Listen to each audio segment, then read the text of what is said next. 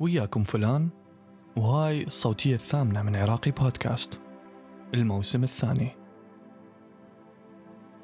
مر تقريبا 45 يوم على آخر مرة نزلت بيها صوتية. والصراحة ما ردت أسوي لكم أي موضوع وخلص وإنما كنت أحاول أسوي صوتية تكون مهمة وبيها مغزى. كل يوم كنت أقعد أكتب مواضيع مختلفة وبالأخير أحسها مو هاي اللي أريدها وأمسحها. طبعا شكرا لكل اللي سألوني ووين صرت ودزولي على الإنستغرام والفيسبوك.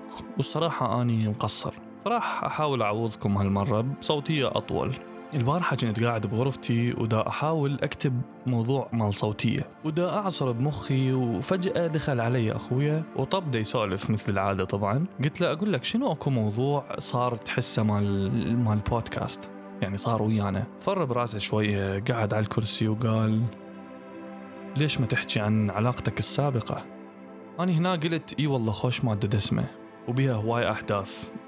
بس للأسف أنا معظم أحداثها ناسيها لأن الصراحة ما كانت تستحق تنذكر كلش. بس خلينا نبدأ.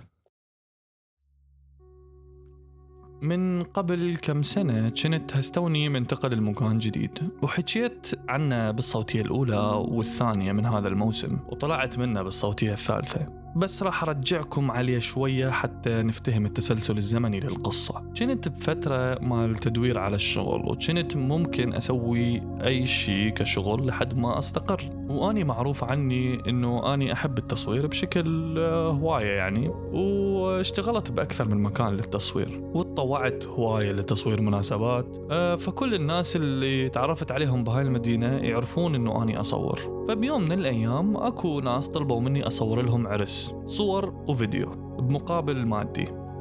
وأني طبعا قبلت وحضرت نفسي يومها بكاميرتي وبطاريتين وميموريتين وانطلقت لتصوير العرس. والصراحة كان تصوير موفق شوية وهواي صور طلعت حلوة والفيديو كان زين. بس أثناء العرس لاحظت بنية دتباوع لي معظم مدة العرس. وكانت ويا أهل العريس بس ما أعرف إيش تصير لهم الصراحة. صورتها أكثر من صورة وهواي كانت تطلب مني أصورها. كنوع من أنواع الحرشة you know? وأنا الصراحه كنت مركز بالتصوير أكثر لأن كان شغل ومطلوب مني لازم أخلصه. مو معقول أغلس على الشغل على مود اضبط ويا بنيه المهم خلص العرس وكل واحد راح لبيته. وبعد كم يوم منتجت الفيديو وضبطت الصور ودزيتها لأخو العريس. وأتذكر كان خوش ولد الصراحة وإنسان جدا محترم ما شفت منه أي شيء الصراحة. كان خوش ولد. وكنا دائما نقعد أنا وياه نسولف بالإلكترونيات والتكنولوجيا وهاي الأشياء. المهم بعد أسبوع تقريبا كان وقت الفالنتاين. وكان أكو منظمة عراقية بهاي المدينة مسوية احتفالية مال فالنتاين. وعازمين بيها بس بنات. ما أعرف شنو الفكرة الصراحة إنه تعزم بس بنات على حفلة مال عيد الحب. بس نمشيها مو مشكلة. وطلبوا مني أصور لهم الحفلة بس بدون مقابل وإنما خدمة للناس اللي بهاي المنظمة. فقلت لهم مو مشكلة أروح. رحت هناك والقي روحي بمكان بتقريبا 60 بنية وأني الوحيد هناك. والصراحة الموضوع غريب ومربك جدا. المهم بديت أصور لهم الأشياء اللي يسووها والفعاليات والألعاب ومن هالأمور. وما كنت أضوج الصراحة من اللي يقول لي أو من اللي تقول لي لا تصورني. بس كنت أنغث من أحد. الشخصية اللي تقول لك لا تصورني وبعدين تطلع لك بكل زاوية وكل صورة وبكل مكان وين تدير الكاميرا تلقيها قدامك وبالأخير تقول لك لا تصورني. والمهم واني دا اصور ومركز ويا الناس وألاحظ نفسي البنية اللي كانت بالعرس قبل أسبوع موجودة. بس مغيرة لون شعرها. صورتها كم صورة وبعدين إجت علي وقالت لي وين ألقي هاي الصور؟ فأني قلت لها أنطيك آه، رقمي أو أنطيني رقمك وأني أدز لك الصور. قالت ماشي. طبعا كل المصورين ارتبطوا بهاي الطريقة فلا حد ياكم المهم ورا الحفلة دزيت لها الصورة وقعدنا نسولف في المسجات وبعدين تخابرنا وسولفنا هواي. واليوم اللي وراه سولفنا واللي وراه سولفنا واللي وراه إلى آخره. لحد ما يوم قلت لها تعالي خلينا نطلع. وهي قبلت وقالت لي تعال نروح على الجامعة اللي هي كانت مداوم بها وهستوها متخرجة منها. قالت أنا أعرفها زين وحراويك بيها أماكن حلوة. أنا وافقت ورحت هناك وسولفنا هواي وتمشينا وما بقينا شيء ما حكينا بيه. اكتشفت إنه هي كانت أخت العريس والعريس واحد من أخوتها ال 16 عندها 16 أخ. المهم يعني ما علي. أكبر أخ عندها عمره بقد أبويا متخيلين؟ آه هي أصغر وحدة بالبيت. المهم طلعنا أكثر وتعرفنا على بعض أكثر وللتذكير بس أني كنت ما صار لي هواي طالع من علاقة كانت نهايتها سيئة جدا ومو متوقعة. ما أعرف إذا حأحكي عنها بعدين بالمستقبل بس يعني خليها ببالك. آه فكنت أبحث عن علاقة جديدة تطلعني من صدمة هذيك العلاقة والصراحة كان هذا أكبر غلط وقعت به لأن ما كنت مستعد نفسيا أو عقليا أو ماديا لهاي الفكرة. تابع الصوتية للأخير وأنت تفهم ليش. بعد ثلاث شهور تقريبا من التعارف أنا حسيت إنه هاي العلاقة مو إلي وما أريد أكمل بيها حتى لا أظلمني وأظلمها وياي. فبيوم من الأيام قلت لها هذا الحكي وردة فعلها كانت oh my god غريبة انهارت وبكت ولطمت وما بقت. وهسه شلون راح أقدر أروح على الأماكن اللي أني أحبها ووديتك عليها بدون ما أتذكرك؟ وهسه شلون أعيش وأني ما أقدر أعيش بدونك؟ ولحد هسه أتذكر قعدتنا على العشب بملعب الجولف وهي منهارة ودا تبكي. فللأسف قررت ما أكسر بخاطرها وكسرت بخاطري أني وقررت أكمل. وكان اكو خبر ثاني بهاي القعدة بس بعدني ما قلته إلها. بس آه، حتى أخفف الصدمة فكنت أقول إنه وحده ورا الأخ. الخبر الثاني كان إنه أني راح أسافر من هاي المدينة وأروح على مدينة ثانية كلش بعيدة. نفسها رحت لها بالصوتية الثالثة بعنوان براغي وأخلاق. روحوا سمعوها قصة كلش مهمة وبيها أحداث غير متوقعة. المهم من قلت لها راح أسافر هي انهارت بالزايد وقامت تبكي وهسه تروح وتتفرج على البنات اللي هناك وتعوفني ومن هالحكي. ورا تقريبا ساعتين من هاي السوالف رجعت للبيت مثل ما رحت. ماكو شي تغير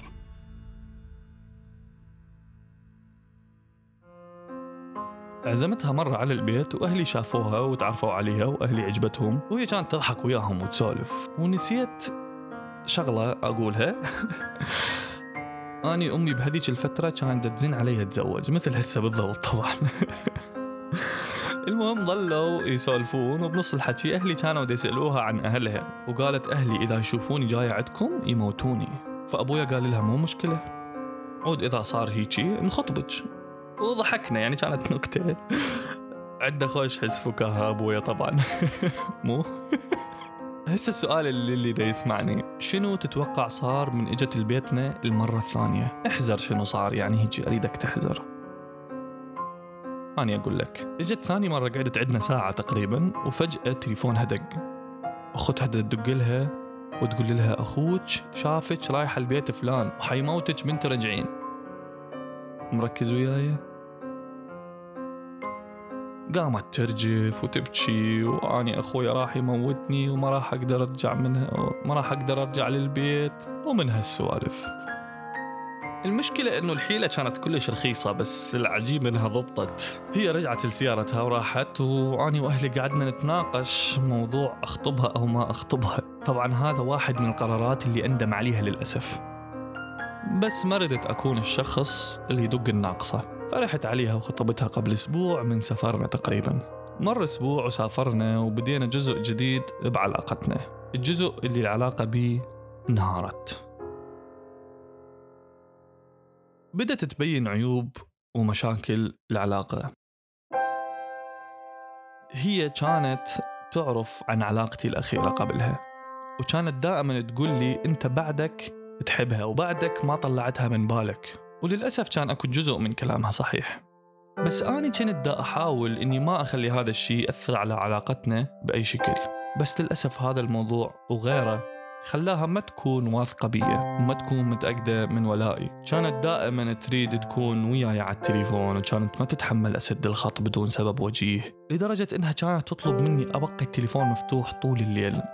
حتى تسمعني واني نايم واني دا اشخر وأتذكر مرة أمي دخلت غرفتي لقتني نايم والتليفون مفتوح وياها فأمي سدت الخط لأنه مفتوح على الفاضي. اثنيناتنا نايمين. ولا دقيقة دقت علي مرة الأخ وقامت تتعارك وليش تسد الخط. وش عندك؟ ومن تعرف؟ ومن هالأمور الموضوع صار مزعج. بس قلت مو مشكلة. هاي لأنه إحنا بمرحلة العلاقة عن بعد اللي يسموها long distance فأكيد التغييرات ممكن تصير. مو كل شيء يصير بيوم وليلة. لقيت أول آه، شغل إلي بشركة مال البريد وتوقيت الشغل كان سيء جدا. لأن كان يبدأ بثلاثة الفجر لحد الظهر ثاني يوم. يعني لازم أنام كلش من وقت حتى أقدر أروح مصحصح للشغل وأشتغل. بس طبعا هذا الحكي ما يفيد ويا خطيبتي. لأن صارت خطيبتي هسه. لأن هي تريد تبقى تسولف بالليل على التليفون وتنام وهي تسمع صوتي ومن هالأمور.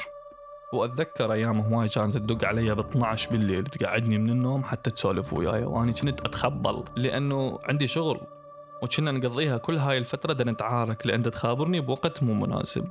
وما أقدر أنام. وأروح للشغل خلصان ما بي حيل. وبس أريد أنام. أتذكر مرة منهن طلعت للشغل بس كنت كلش كلش نعسان. فقررت بنص الطريق أنه أني خلص ما أريد أروح للشغل وأبقى بالسيارة وأنام بعدين أرجع للبيت. لأن ما أتحمل. وأتذكر قلت لها ورا فترة صارت مشكلة بيني وبينها وكانت تشتكي لأهلي مني. وبنص هاي الشكوى قلت لهم أني سويت روحي رايح للشغل وبقيت بالسيارة رحت نمت. عبالك جاهل وما رايح للمدرسة.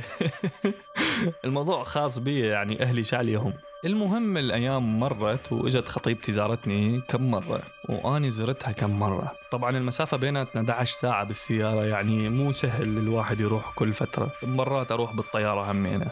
هي كانت تكره أختي بشكل غريب بس كانت تعاملها كلش زين قدامي وكانت تكره أمي وكانت تكره صديقاتي من الجامعة وكانت تكره أي بنية بحياتي إذا كانت قرايب أو معارف أو شغل أو وحدة تمشي من قدام بيتنا. لدرجة إنها كانت تغار من المساعد الصوتي اللي بغرفتي مال أمازون لأن بي صوت بنية وكانت دائما تعترض عليها وتقول لي أنت ما تقدر تعيش بدونها. انت ما تقدر تعيش بدون البنات اللي حواليك. الموضوع كلش ما أدري إذا أحد مصدق اللي دا أقوله بس صدق صار هذا الحكي. المهم إجت فترة أشتغل بالحكومة وكنت أطلع ويا مجموعة مال شغل ميداني. كانت تطلب مني أصور لها الناس اللي دا أشتغل وياهم. وكنت ما أقبل وهاي كانت مشكلة كبيرة بيناتنا لأنه ما كانت تصدق أني كنت أشتغل 12 ساعة باليوم. وكانت تشك إنه أني دا أشتغل أقل وأسوي أشياء ثانية من وراها بالوقت اللي أقعد بيه برا. صراحة ما أعرف إذا هي كانت هيك لو هي صارت هيك بسببي. لو الظروف وصلتها لهيك حالة ما أعرف الصراحه بس اللي كنت أعرفه إني صبرت هواي ومريت بأيام ما أتمنى لأي أحد بيكم يمر بيها. ممكن هي تكون بنية زينة ويا غيري وأني أكون زين ويا غيرها. بس أني وهي ما كان لازم نبقى سوية. أني كشخص ما أقدر أكون ويا شخص شاك بيه طول الوقت. وما أقدر أكون ويا أكثر من شخص بنفس الوقت. وهي كانت ما تصدق هذا الشيء كانت تخاف أحد يخطفني منها أو يسوي لي شيء ما أدري. للأسف أكو هواي تفاصيل ما راح أقدر أشاركها وياكم حتى لا أطول عليكم القصة وبنفس الوقت لخصوصية المواقف. بس اكتشفت أنه العلاقات البعيدة مو إلي. وما أقدر أعيش بهيج علاقة. يمكن تنفع لغيري ما أدري. ويمكن غيري يشوفها ناجحة ويقدر يعيش بيها. وممكن أحد يقول إيه وشكو بيها وماكو علاقة ما بيها مشاكل. بس أني إنسان أحب السلام والهدوء وأحب النقاش والتفاهم والضحك. ما أحب العركة والنكد والتبريرات والنقاشات العقيمة. أحب أكون ويا شخص فاهمني وأني فاهمه. للأسف أني ما كنت فاهمها وهي ما كانت فاهمتني. بس ما أدركت هذا الشيء غير لما رحت عقدت وياها عد السيد. بهيج إحنا كتبنا كتابنا. ولا حد يسألني ليش هيك سويت. لأن أني نفسي ما أدري الصراحة.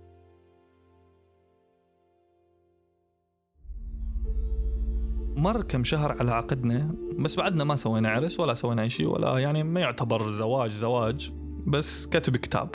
لأن كنا مأجلين هذا الشيء لحد ما أنا أستقر بشغلي لأن أستوني منتقل لمدينة جديدة وأستعد وبعدين تجي هي للمدينة اللي أنا عايش بيها ونعيش بتبات ونبات ونخلف صبيان وبنات ومن هاي الأمور. فبهيك إحنا دخلنا مرحلة جديدة وصارت العلاقة مضمونة أكثر وكل شيء صار تمام واتفقنا والأمور كانت آه، ماشية مثل الحلاوة. طبعا دا كذب. طبعا الأمور صارت أصعب والضغط زاد وتحولت من إنسان هادئ ما تسمع صوته بالبيت لشخص يتعارك ويصيح كل يوم. وكل يوم أكو مشكلة وكل يوم عركة. وأتذكر أخويا كان يجيني يقول لي اني ما أدري أنت شلون بعدك بهاي العلاقة. كل يوم كان يقول لي طبعا هاي المقولة. وبلا طولة هالسالفة بيوم من الأيام إجتني هي وأمها تزورنا وتقعد ببيتنا كم يوم. وكانت هي الكم يوم الفاصلة. بالنسبة إلي. كانت جايتني بسالفة جديدة وهي إنها اكتشفت إنه عندها حالة نفسية اسمها الوسواس القهري. هاي الحالة النفسية موجودة عند الكل تقريبا بس نسبتها متفاوتة من شخص للثاني. والوسواس القهري إنك يصير عندك اضطراب بالأفكار ومخاوف غير معقولة تؤدي لسلوكيات غير معقولة أو هواجس وأفكار مفرطة تؤدي إلى سلوكيات متكررة. ما افتهمت مو؟ زين خل أشرحها. باختصار الناس اللي ما تحب تشوف النعال مقلوب والناس اللي تغسل إيدها عشر مرات قبل وبعد وبين الأكل ومن هالأمور. وطبعا هاي الحالة ما تجيك بيوم وليلة وإنما يكون لها آثار وراثية وآثار مكتسبة وتحتاج فترة طويلة لحد ما تبين عليك صدق. يعني ما تقدر بيوم وليلة تصير عندك وسواس قهري وأنا خلص أريد كل شيء حوالي نظيف ولحد يطخني. المهم هي اجتي كم يوم نصيف ونروح البحر ونخيم ومن هالسوالف وكانت عبارة عن عركات أكثر مما هي طلعات. ومشاكل أكثر من ونسة. وصراحة كنت عبالي مشاكل الغيرة أسوأ شيء بالعلاقات بس اكتشفت أنه المشكلة هاي مال الوسواس القهري أسوأ بمراحل. خصوصا لما كل حركة تصير محسوبة عليك. إذا لزمت شغلة بالشارع روح اغسل إيدك. إذا لزمت فلوس اغسل إيدك. إذا فتحت الحمام تطب وراك تشوف إذا أنت غسلت إيدك لو بعدك. يعني شخص طول الوقت يحسسك إنك ما عرفت تهتم بنظافتك الشخصية طول ال 26 سنة اللي فاتت وهي جاية تعلمك هسه. الموضوع كان جدا لا يحتمل وأني طفح بي الكيل.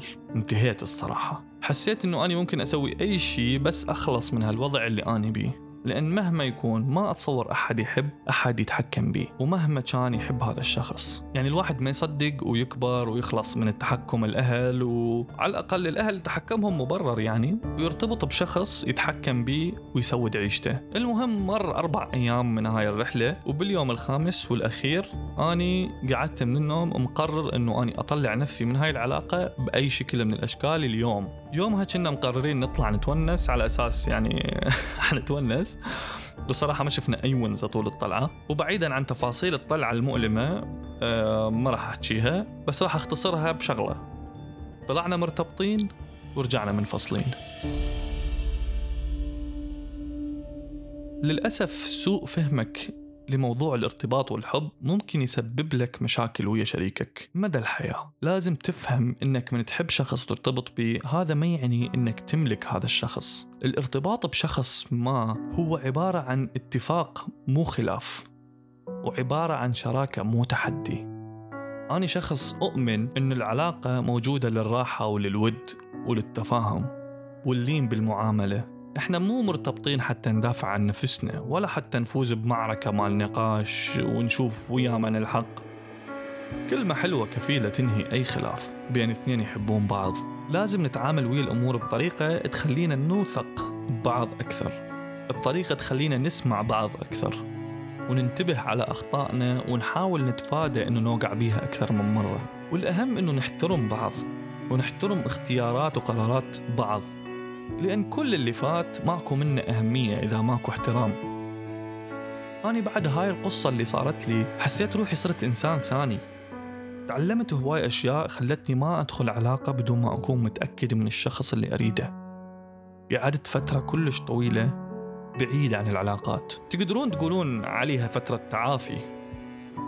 لأن من تطلع من هيج فترة تحس روحك تعبان ومنهك من كل النواحي. لهذا ركزت على شغلي وعلى حياتي أكثر واكتشفت أنه ممكن تفهم شوية عن العلاقات وشلون تتعامل وياها. ونصيحتي إلك لازم تسمعها زين وتفهمها. لا تسكت على شيء مضايقك أو متعبك بعلاقتك. احكي وتناقش بس لا تتعارك. وحاول توصل لشريكك إحساس إنك موجود بجانبه بنفس الفريق مو بالفريق المنافس. الحياة قصيرة وما تستاهل نضيعها بأوقات زعل وعراك. إذا أنت ما مرتاحة بعلاقتك وشايفتها مو ناجحة عوفيها. لا تضيعين وقت هواي بانتظار اليوم اللي ممكن تتفقون بيه. لأن ما راح يجي بهالسرعة ويمكن ما يجي. وتكتشفين بوقتها أنه سنين من عمرك ضاعت وأنت تحاولين ويا شخص مو إلك.